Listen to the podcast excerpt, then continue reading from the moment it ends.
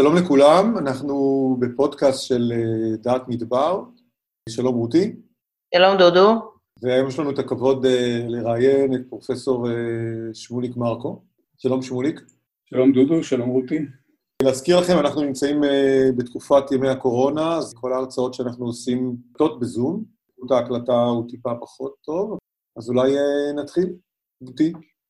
כן, טוב, שמוליק, אה, תרשה לי לקרוא לך שמוליק, לא פרופסור שמוליק מרקו, כבוד גדול אה, לפגוש אותך. כן. אנחנו מדברים מדבר, ואנחנו בכל זאת הגענו אליך כגיאולוג.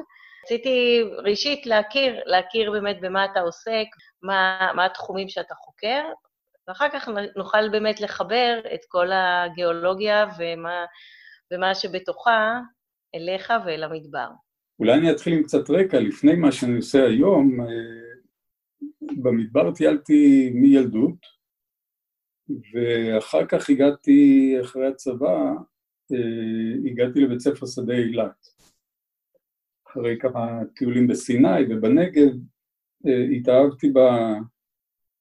במקום התאהבתי עוד קודם, אבל אז התאהבתי באנשים של בית ספר שדה, ונשארתי שם די הרבה שנים, עם קפיצה קטנה באמצע לדרום אמריקה ולימודים. אה, אבל הייתי בבית ספר שדה אילת אה, נטו קצת יותר משבע שנים. אם אני חושב על מקום שהוא בית בשבילי, אז זה אילת. אחר כך, כשהתחלתי, אחרי הלימודים בגיאולוגיה, והלימודים תואר ראשון יושבים על הכיסא, אבל אחר כך תואר שני ושלישי עוסקים במחקר. ושטחי המחקר שלי אה, היו במדבר, באופן טבעי. אה, למה טבעי? כי הגיאולוגים זה אנשים מפונקים. כלומר, הם רוצים לראות את הסלעים, ובמקומות שיש הרבה צמחייה זה פחות uh, נוח, ונמשכים למדבר.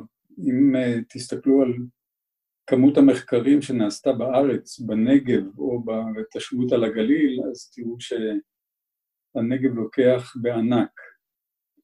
אז uh, באופן בסיסי גיאולוגים אוהבים מדבר.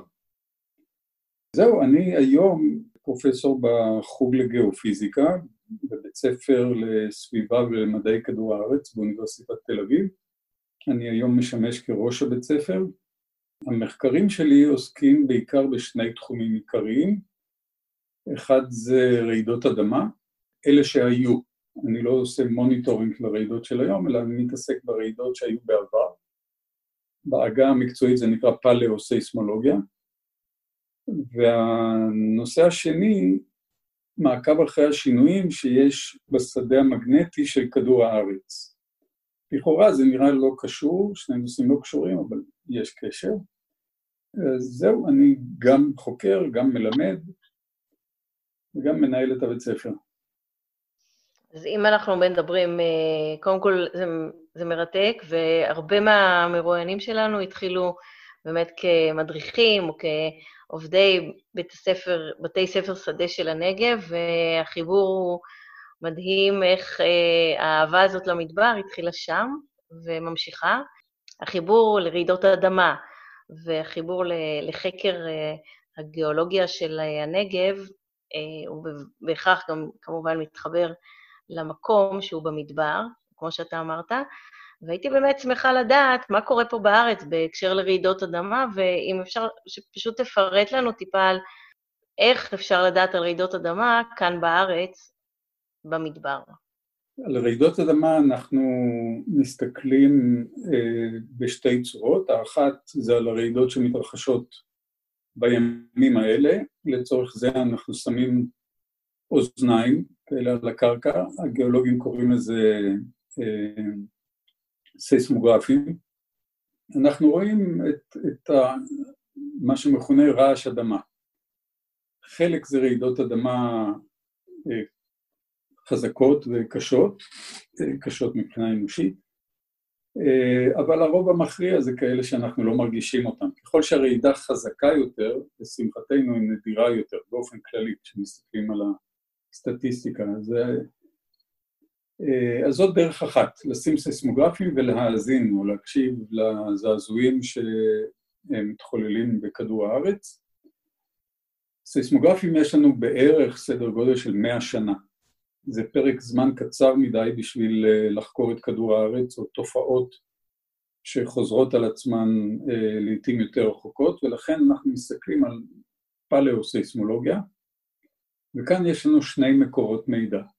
אחד זה היסטוריה וארכיאולוגיה, אנחנו יודעים על רעידות אדמה גם מטקסטים או אפילו ציורים שאנשים השאירו בעבר, וגם ממבנים שנפגעו ברעידות אדמה, ואנחנו אה, עובדים יחד עם ארכיאולוגים ומנסים להבין מה זה הרס של רעידת אדמה לעומת הרס מסיבות אחרות. אז זה כיוון אחד. וצד שני, וכיוון שני של אה, חקר הפלאו-סייסמולוגיה, אה, זה להסתכל על סלעים שעברו דפורמציה, עברו שינוי בצורה בגלל רעידות אדמה.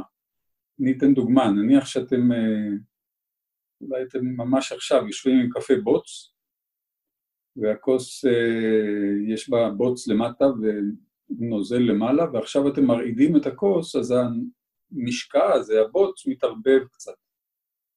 אם אנחנו מסתכלים על כוס יותר גדולה, נגיד אגם, כנרת או ים המלח, אה, כשיש רעידה אז הסדימנט למטה, המשקע למטה מתערבב, ואנחנו יודעים לזהות את זה גם בעין וגם בכלים יותר מתוחכמים, כשאנחנו מסתכלים על הסדימנטים העתיקים של אגמים, משקעי אגמים בעיקר, ואנחנו רואים עדויות לרעידות אדמה בשפע.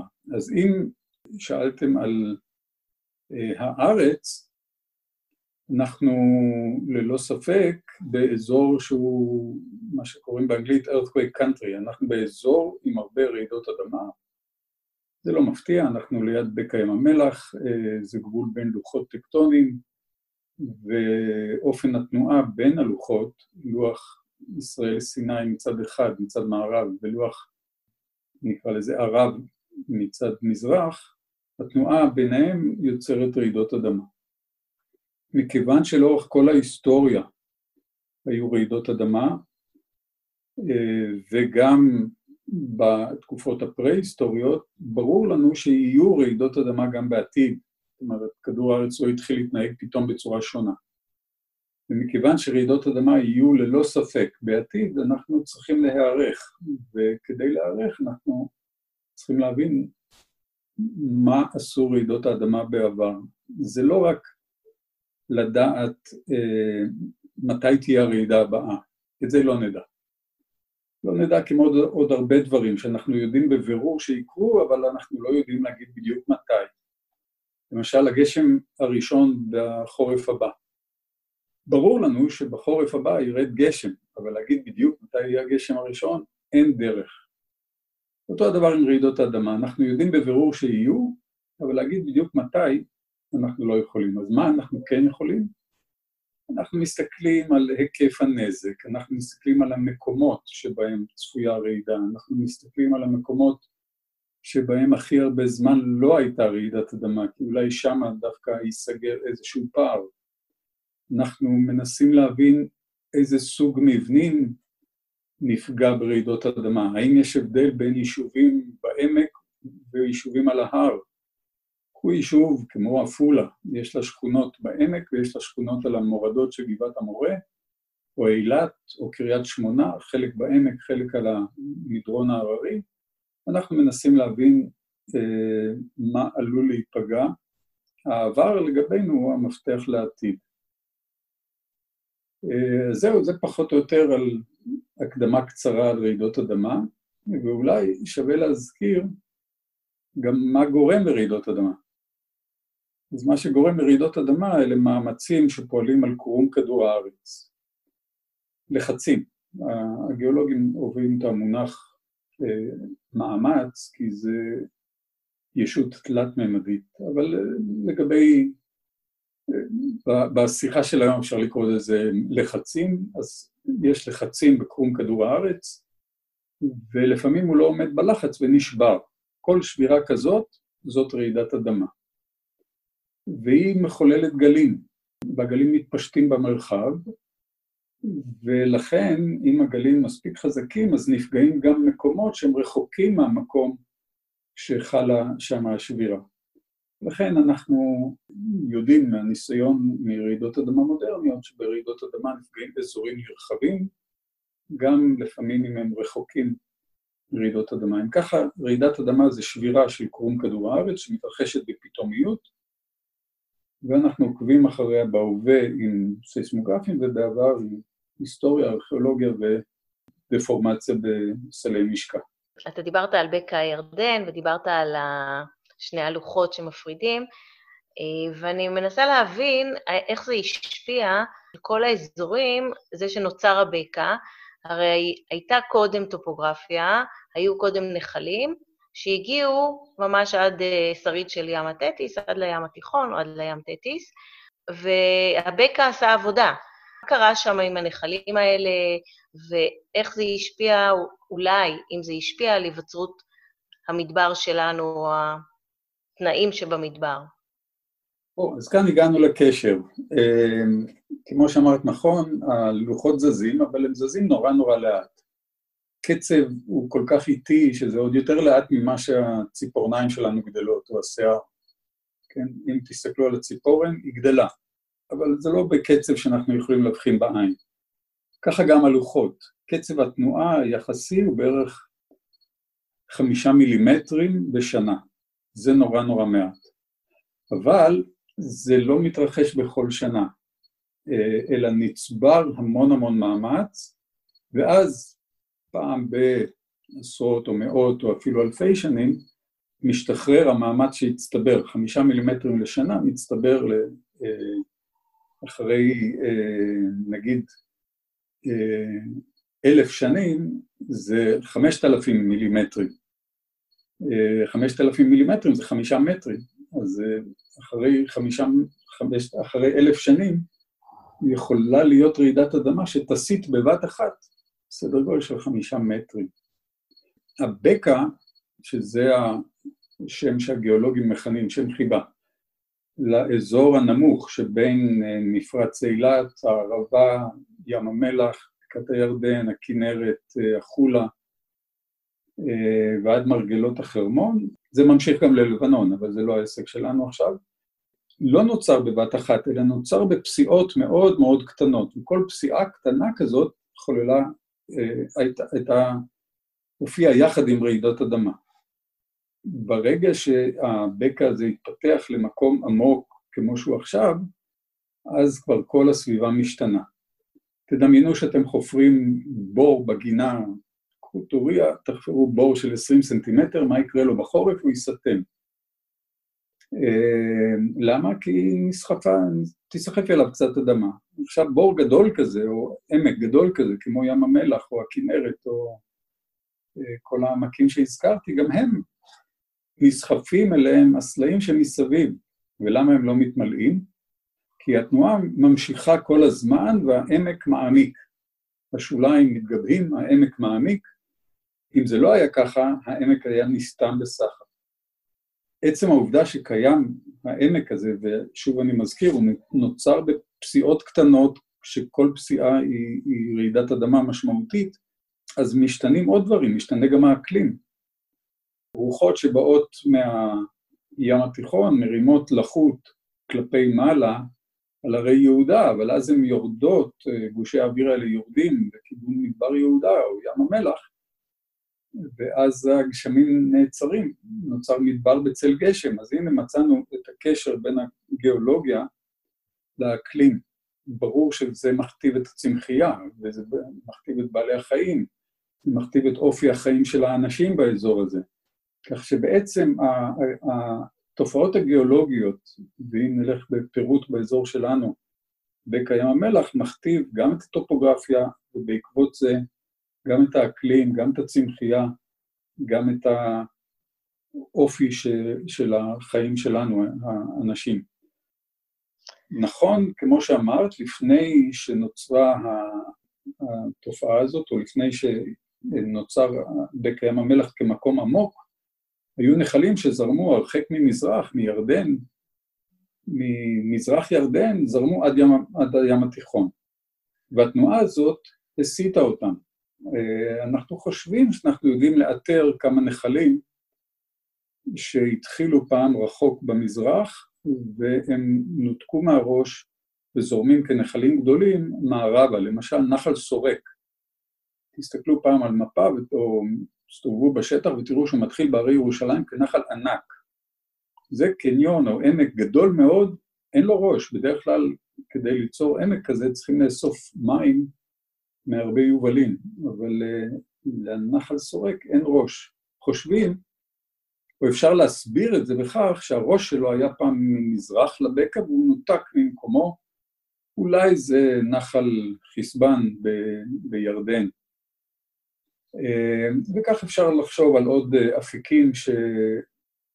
שהם גדולים בצד המערבי, ואין להם ראש, ואנחנו לכן מסיקים שהם פוסטו על ידי היווצרות הבקע. צריך לזכור שהתנועה לאורך הבקע היא לא רק כלפי מטה והיווצרות עמק, אלא לא פחות מזה, ואפילו פי עשר מזה, יש תנועה שמאלה. כלומר, אם אנחנו עומדים על, במדבר יהודה, מסתכלים על הצד השני, מעבר לים המלח, אז לוח ערב זז שמאלה.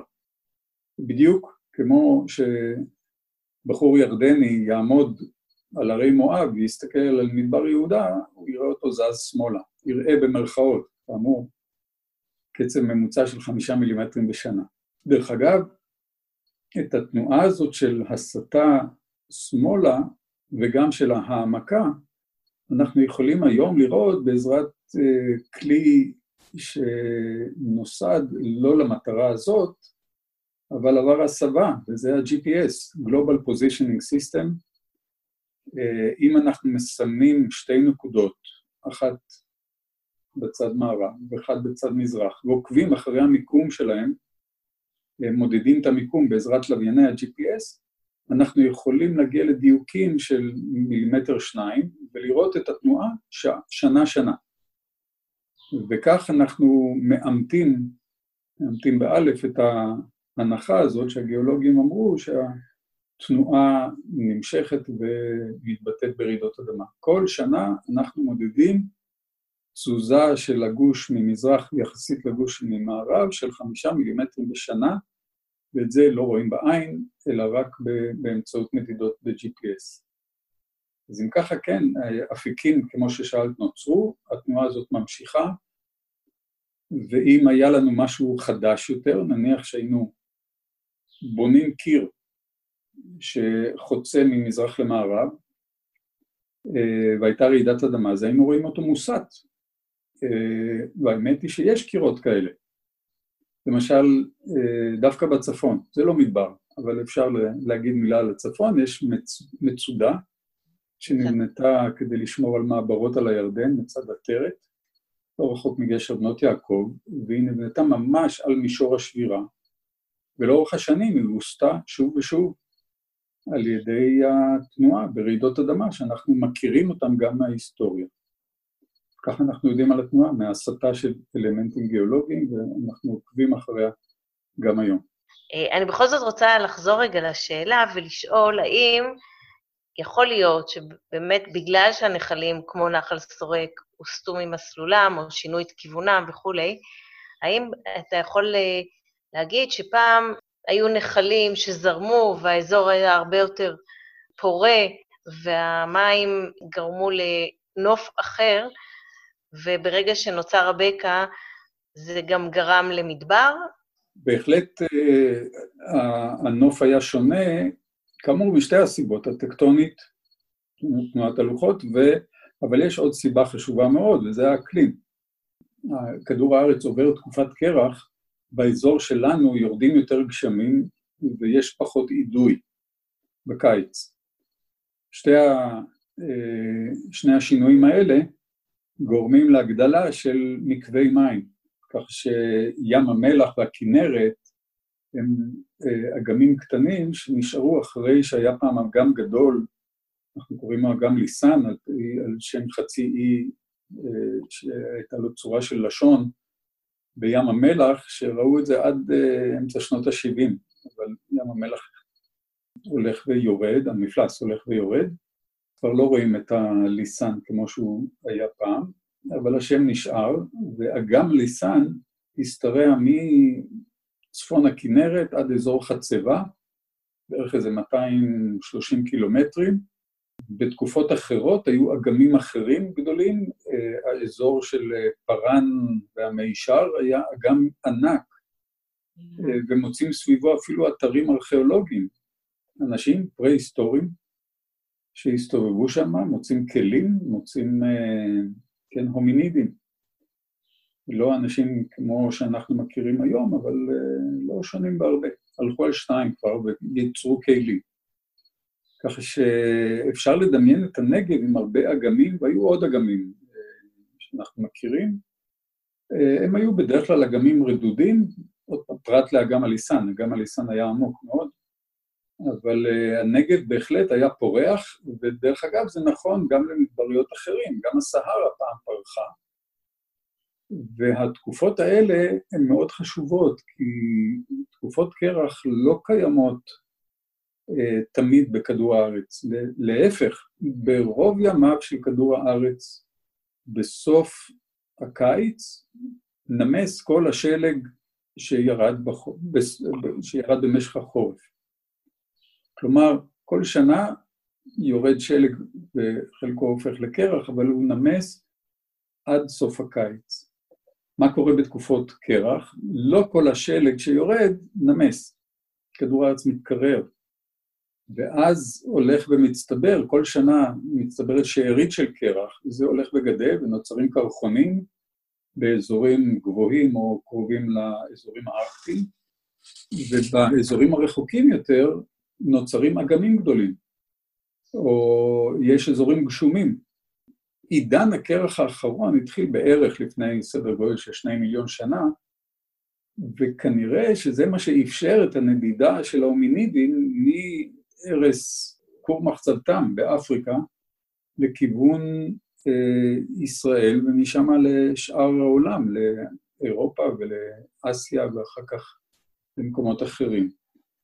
אז תקופות הקרח התבטאו בצורה אה, מאוד משמעותית במדבר. קודם המדבר חסם את התנועה הזאת של אנשים, אולי גם של, אה, ככל הנראה, גם של בעלי חיים, אבל גם התוואי הגיאולוגי של בקע ים המלח, כאמור, אה, אם אני הולך יותר רחוק, זה כולל את אה, כל מפרץ אילת, הערבה ועמק אה, הירדן, בקעת כנרות, הכנרת, אנחנו מוצאים את האתר הקדום ביותר בעולם, שבו יש כלים מחוץ לאפריקה, בבקעת, ה... בבקעת כנרות. עובדיה. והוא, כן, אה, באריק אל-אחמר. אריק אל-אחמר זה המקום שבו נוצאים, מוצאים כלים, ובדיה מוצאים כבר ממש, מצאו כבר ממש אה, פיסה של לסת, ואפשר היה להגדיר אה, הומיניד לפי זה, אבל המשמעות היא שלפני כמעט שני מיליון שנה התאפשר מעבר מהאזורים הגשומים יחסית באפריקה, לחצות את ה...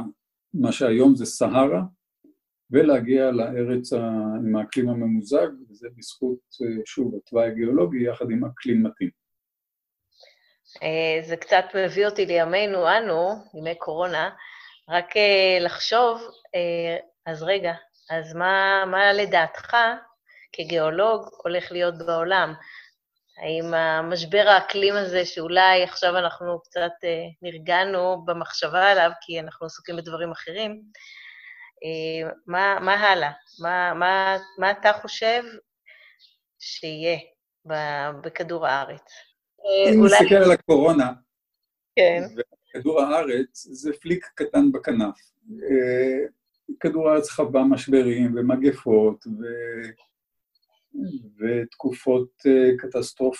קטסטרופליות יותר או פחות, ואת כדור הארץ זה לא מעניין, הוא ממשיך להתנהג, הכוחות שמפעילים את הלוחות או את אה, האקלים אפילו, הם הרבה יותר גדולים ממה שהאנושות מסוגלת uh, להפעיל, אבל בשוליים אנחנו כמובן משפיעים, אנחנו החל מ... uh, משנים את האטמוספירה על ידי תוספת uh, גזי חממה, ואנחנו, דרך אגב, אנחנו גם עושים רעש. אה, ממש עכשיו התפרסם בנייצ'ר מאמר אה, מקסים, שהראה סיסמוגרפים מאוד מאוד רגישים, שקולטים גם רעידות אדמה, אבל גם קולטים רעש רקע. רעש רקע יכול להיות מדברים מאוד מאוד חל... שנראים לנו חלשים, לא, אנחנו לא מקשרים אותם לרעידות אדמה, אבל כל אבן שנופלת לנו מהיד מחוללת רעידת אדמה. נכון, נורא נורא חלשה. אם זה נופל כבולדר ממצוק, זה, יותר חזק, אבל עדיין לא כמו רעידת אדמה. גלים בים מייצרים רעשים שהסיסמוגרפים קולטים.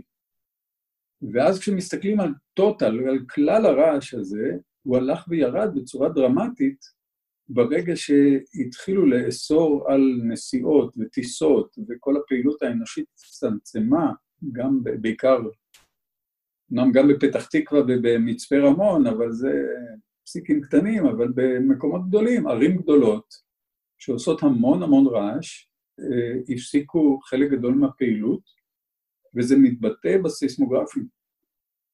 זאת אומרת אה, שיש פחות רעידות אדמה עכשיו, גם קטנות? לא, יש, רעידות האדמה יש טבעיות, הן ממשיכות כרגיל, אנחנו לא משפיעים עליהן כמעט. אבל הרעש רקע שקולטים בעזרת סיסמוגרפים אה, ירד. זה מאפשר לנו להבחין באירועים, באירועים טבעיים יותר בקלות, כן? מה שהמדענים קוראים signal to noise ratio, היחס בין סיגנל לרקע, אה, גדל עכשיו פתאום. עכשיו, עוד דבר שיקרה ללא ספק באספקט אחר, זה האוויר הנקי. אנחנו רואים אה, אוויר נקי בערים שבדרך כלל נורא נורא מזוהם. הופיעו עכשיו באינטרנט כל מיני תמונות של אה, דלי וערים אחרות, שבדרך כלל האוויר שם הוא בצבע אפור כהה, כמו שאמר לי איזה חבר, you can actually see what you breathe. רואים את האוויר, רואים את הזיהום בעצם, הם פתאום הפכו לשמיים כחולים ואוויר נקי. וזה שיעור, אני חושב, שהרבה אנשים לא הפנימו. נכון שהחוקרים אומרים את זה כבר עשרות שנים, אבל מי מאמין לחוקרים? אה, החוקרים עצמם. אז, אה, אז עכשיו כל אנשים רואים את כמות הזיהום ואת כמות הלכלוך שאנחנו מספקים לאטמוספירה, ומבינים שאם נפחית את זה, אז יהיה לנו יותר טוב, יהיה לנו יותר אוויר נקי. אז אני מאמין שזה ייתן בוסט גדול לכל ה... כל מי שעוסק, או כל היוזמות להפחתת זיהום, אה, להפחתת פליטה של גזי חממה. אה, כלומר, נעשה כרגע ניסוי מדהים, בלי להתכוון, ואנחנו רואים מה התוצאות של הפחתה.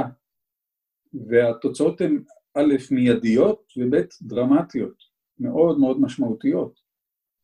אה, אני בטוח שעכשיו אנשים שלא היו משוכנעים, או לפחות חלק מהאנשים שלא היו, משוכ... לא היו משוכנעים עד עכשיו, ישתכנעו מעכשיו והלאה. מה עוד הולך להיות בעתיד? בעתיד גם תהיה רעידת אדמה, מזה לא נוכל להימלט, אה, הטקטוניקה תמשיך. עתיד, השאלה לאיזה טווח מסתכלים, אה, בטווח האנושי לא יהיו שינויים דרמטיים. תלוי גם את מי שואלים. אם למשל אנחנו שואלים גיאולוג שמתעסק בפלאונטולוגיה, אז כל, גיאול, כל פלאונטולוג יגיד, תראו, אין אף מין יונק שקיים בכדור הארץ, שהתקיים בכדור הארץ בעבר הגיאולוגי יותר משניים, שלושה, ארבעה מיליון שנה. האנושות קיימת כבר שני מיליון שנה, מי יודע, אולי תהליכים טבעיים יגרמו לאיזשהו שינוי. נכון שאנחנו לא כמו המינים האחרים. אנחנו טיפחנו או פיתחנו יכולות שאין לאף מין אחר בכדור הארץ, אבל uh, מעניין לשים לב לפרספקטיבה הזאת, שאנחנו היחידים שאולי נשרוד פרקי זמן שקודמינו לא שרדו. אף אחד מאיתנו לא יהיה כאן כדי uh, לבחון את הפרספקטיבה הזאת, אבל היא מעניינת. דברים אחרים, התפרצויות של הרי געש, רעידות אדמה, סופות, שיטפונות, אסונות טבע אחרים, ימשיכו כמנהגם, עם או בלי קורונה. מה דעתך? האם, האם באמת יש מקום לחקור אה, חי, אה, את זה שנעבור לגור במאדים, או שזה במסגרת איזשהו גימיק? טוב, אז עכשיו אה, אני צריך לחלק את התשובה שלי לשניים. כחוקר, שצריך לחקור כל דבר שמסקרן אותנו. כי אנחנו בדרך כלל יודעים איך מחקר מתחיל, אין לנו מושג איך הוא מתפתח, ותמיד מוצאים דברים חדשים, מסקרנים, וזה בטוטל, באחוז מסוים, מביא התפתחות, כל מיני דברים שלא חשבו עליהם מראש. אז אנחנו לא צריכים לחשוב מראש מה תהיה התוצאה, אלא לחקור ולבדוק דברים. אם קובעים מטרה של ליישב אנשים על המאדים, אין לי ספק שלצורך הזה יפותחו כל מיני דברים שאין לנו אפילו מושג מה הם יהיו היום, והדוגמה הטובה שיש לנו זה המרוץ לירח. כדי להגיע לירח, שלא, זה לא הביא רווחה לאנושות, עצם העגלה לירח. זה סיפק סקרנות, אבל זה כשלעצמו, לא הבאנו משם אף חומר חשוב, או סיפקנו סקרנות מדעית, אבל בדרך לשם פיתחנו המון דברים, יכולות הנאה, אה, חומרים, אה, יכולות מחשוב, יכולות חישוב שלא היו קודם, המון דברים התפתחו על הדרך.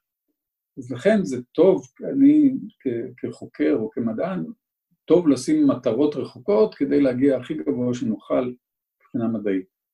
עכשיו אני מחליף את הכובע כאזרח מן השורה, והוא אומר, חבר'ה, יש דברים יותר דחופים, בואו נשקיע בצמצום אה, פערים, בשלום עולמי, ב... בכל מיני דברים שלוחצים עלינו כרגע. למאדים אני לא רואה שנגיע, לא בימי חיי, לא בימי נכדיי, ולא בימי הנכדים של נכדיי. אפשר לא לרגע. לא מאמין שזה בטווח של 100-200 אה, שנה. אבל אם אתה... אה, כן, אני... נשמע לי... נשמע לי מעודד גם באיזושהי צורה, אבל uh, הסיבה שאני מרגישה ככה עידוד ממה שאמרת, uh, הפיתוחים האלה שיהיו למאדים, כמו שהיו לירח, אולי יכולים לעזור לנו כאן למצוא את הדרך לנצל את המדבריות שכאן, לנצל את הידע המדברי אה, יחד עם הפיתוחים החדשים לקראת חיים במקום אחר, לחיים יותר נכונים במדבר, אה, כי זה המקום שאנחנו נזדקק לו? ללא ספק זה יקרה. ללא ספק זה יקרה. החשש הגדול שלי זה שאנשים יגידו יותר מדי, בואו ננצל ובואו נשנה ובואו נעשה למדבר כל מיני דברים. אני הייתי רוצה לראות אותו ברובו, עד כמה שאפשר, שמור כמו שהוא מינימום ניצול ופגיעה ו... ומקסימום שימור. אני יודע שזה אוטופיה, אבל uh, עוד פעם, אני דואג לדור שלי, שלנו, של הילדים, של הנכדים, uh, לא הרבה יותר רחוק, הם כבר יסתדרו אחרת מאיתנו. יהיו להם אמצעים אחרים, יהיו להם מחשבות אחרות. אה, אני הייתי רוצה לשמור על המדבר. טוב, אנחנו איתך. אה, אנחנו צריכים לסיים. אני אה, מאוד נהניתי לשוחח איתך ולשמוע את, ה, את הדברים הדי אופטימיים שאמרת, ותודה רבה. ודודו? תודה לכם, היה נהדר, ונקבל עוד שיחות כאלה. תודה. תודה רבה, שמוליק. אמ, אני חייב להגיד, גם להכניס את האינפוט שלי בנושא המדבר, זה שאנחנו מראיינים שוב הרבה אנשים שחלק מחייהם העבירו במדבר, ובאמת האמירה שחוזרת אצל רבים מהם זה שאנחנו לא צריכים לקלקל.